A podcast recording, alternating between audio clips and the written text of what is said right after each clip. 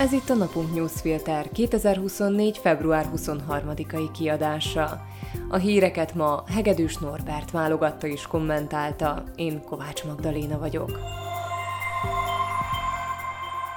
Mai témáink Életfogytiglani börtönbüntetést kapott a sátorbanda sírásója. Ha a korcsok nem talál ki valamit, nem lesz esélye Pellegrini ellen. Orbán úgy csinál, mintha egy aláírógép lecserélése megoldana minden problémát. A specializált büntetőbíróság Pamela Záleszká vezette tanácsa pénteken ismételten életfogytig tartó börtönbüntetésre ítélte Horváth Lehelt. Horvátnak emellett több károsult számára kártérítést is kell fizetnie, de az ítélet még nem jogerős. Ahogy a paraméter beszámolójából kiderül, a horvát elleni bírósági eljárás már nagyjából egy éve húzódik. A specializált büntetőbíróság Pamela Záleszká szerint a legfelsőbb bíróság összes korábbi észrevételét beépítette az ítéletbe. Ami az ítélet súlyosságát illeti, a bíróság szerint semmi nem indokolta az életfogytiglannál enyhébb büntetés kiszabását. A legfelsőbb bíróság ugyan korábban felhívta a specializált büntetőbíróság figyelmét arra, hogy ez a büntetés nem veszi figyelembe azt, hogy Horváth Lehel együttműködött a rendőrséggel, de Záleszká hangsúlyozta, hogy a vadállati gyilkossági módszerek mint például Reis Andor holtestének feldarabolása és ledarálása, egyszerűen nem tették lehetővé enyhébb büntetés kiszabását. Horvátot bűnösnek találták az összes vádpontban, a Dunaszerdahelyi maffia támogatásában, Sátor Lajos meggyilkolásában, Reis Andor holtestének ledarálásában, Karika Csaba kivégzésében, D. János és El Gellért holtestének elásásában és egy Dunaszerdahelyi trezor kirablásában. A sátorbanda sírásójaként ismert férfi a bíróság szerint nem tanúsított megbánást, és nem ismerte be a bűnösségét. A bírósági tárgyalás során tanúsított viselkedése, a tárgyalások elhalasztására tett kísérletek megerősítik ezt a megállapítást. Bár korábban bevallotta Sátor Lajos meggyilkolását, a 2023. februárjában újraindult büntetőeljárásban már következetesen tagadta ezt is. Az ügyvédje fellebbezett az ítélet ellen, vagyis az ügynek még mindig nincs vége. Új felméréssel jelentkezett az Ipsos, mely nagyjából megerősítette azt, amit eddig is tudtunk. Továbbra is Peter Pellegrini az államfőválasztás esélyese. Maga biztosan vezet Iván Korcsok előtt, akinek ugyan lassan emelkedik a támogatottsága, mégsem képes beelőzni a Hlász jelöltjét. Az Ipsos felmérése szerint az első fordulóban 40,2% szavazna Pellegrinire, míg 36,3% Iván Korcsokra. A második fordulóban Pellegrini előnye még nagyobbra nőne. 53,8% támogatná őt, míg Korcsokot csak 46,2%. Az elemzők szerint a magasabb részvételi arány Pellegrininek kedvezne a második fordulóban, de az eredmény még befolyásolhatja, hogy Stefan Harabin, akinek az Ipsos 8,5%-os támogatottságot mért, milyen ajánlást fogalmaz meg a választóinak a második fordulóra. Korcsok magszavazóinak a száma magas, csak hogy nem igazán vannak tartalékai. Ivan Korcsok javára el kell mondani azt, hogy szorgalmasan járja az országot, és általában gyorsan reagál az aktuális politikai eseményekre is, közlemények és videók formájában. Ez szép, de szemmel láthatóan nem elég. Nem tudjuk, mi zajlik a háttérben, hogy a kampánycsapat tartogat-e még valami nagy dobást, amivel meg akarják fordítani a preferenciákat.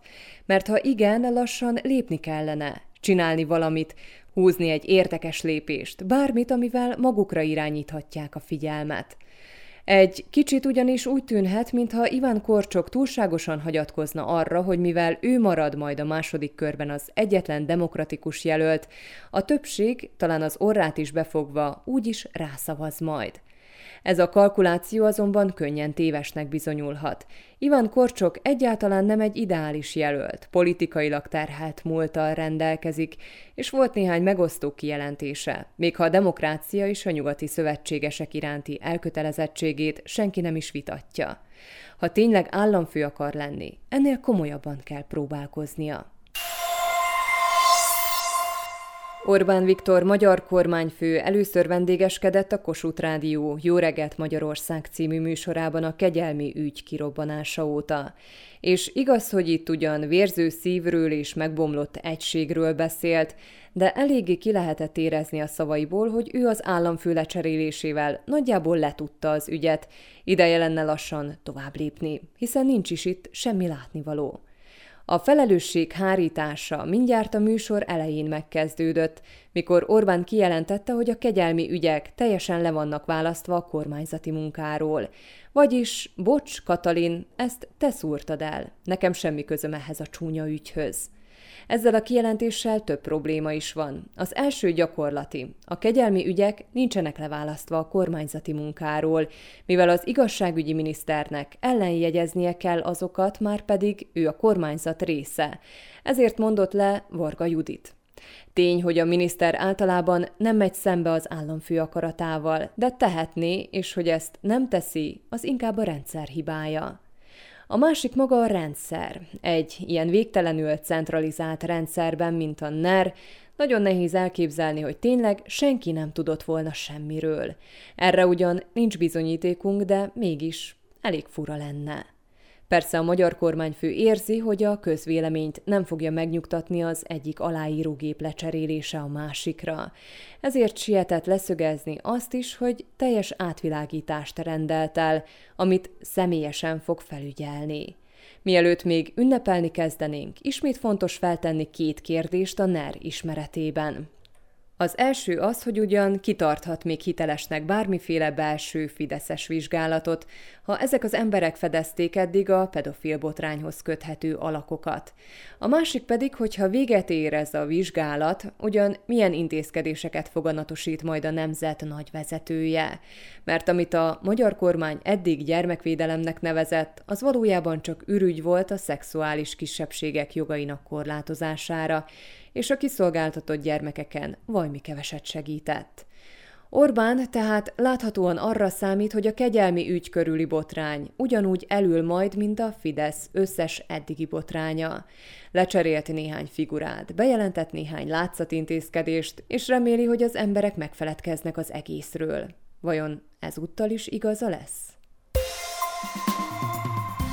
Hírek egy mondatban. Magyarország négy darab JAS-39 Gripen vadászgépet vesz az eddig leasingelt 14 Gripen mellé. Orbán Viktor szerint nem lenne korrekt azt mondani, hogy a svéd NATO csatlakozás blokkolásának köze lenne a kérdéshez. Németország április 1-től részlegesen legalizálja a rekreációs célú marihuána fogyasztást. A törvény lehetővé teszi 50 g otthoni tárolását és legfeljebb három növény termesztését.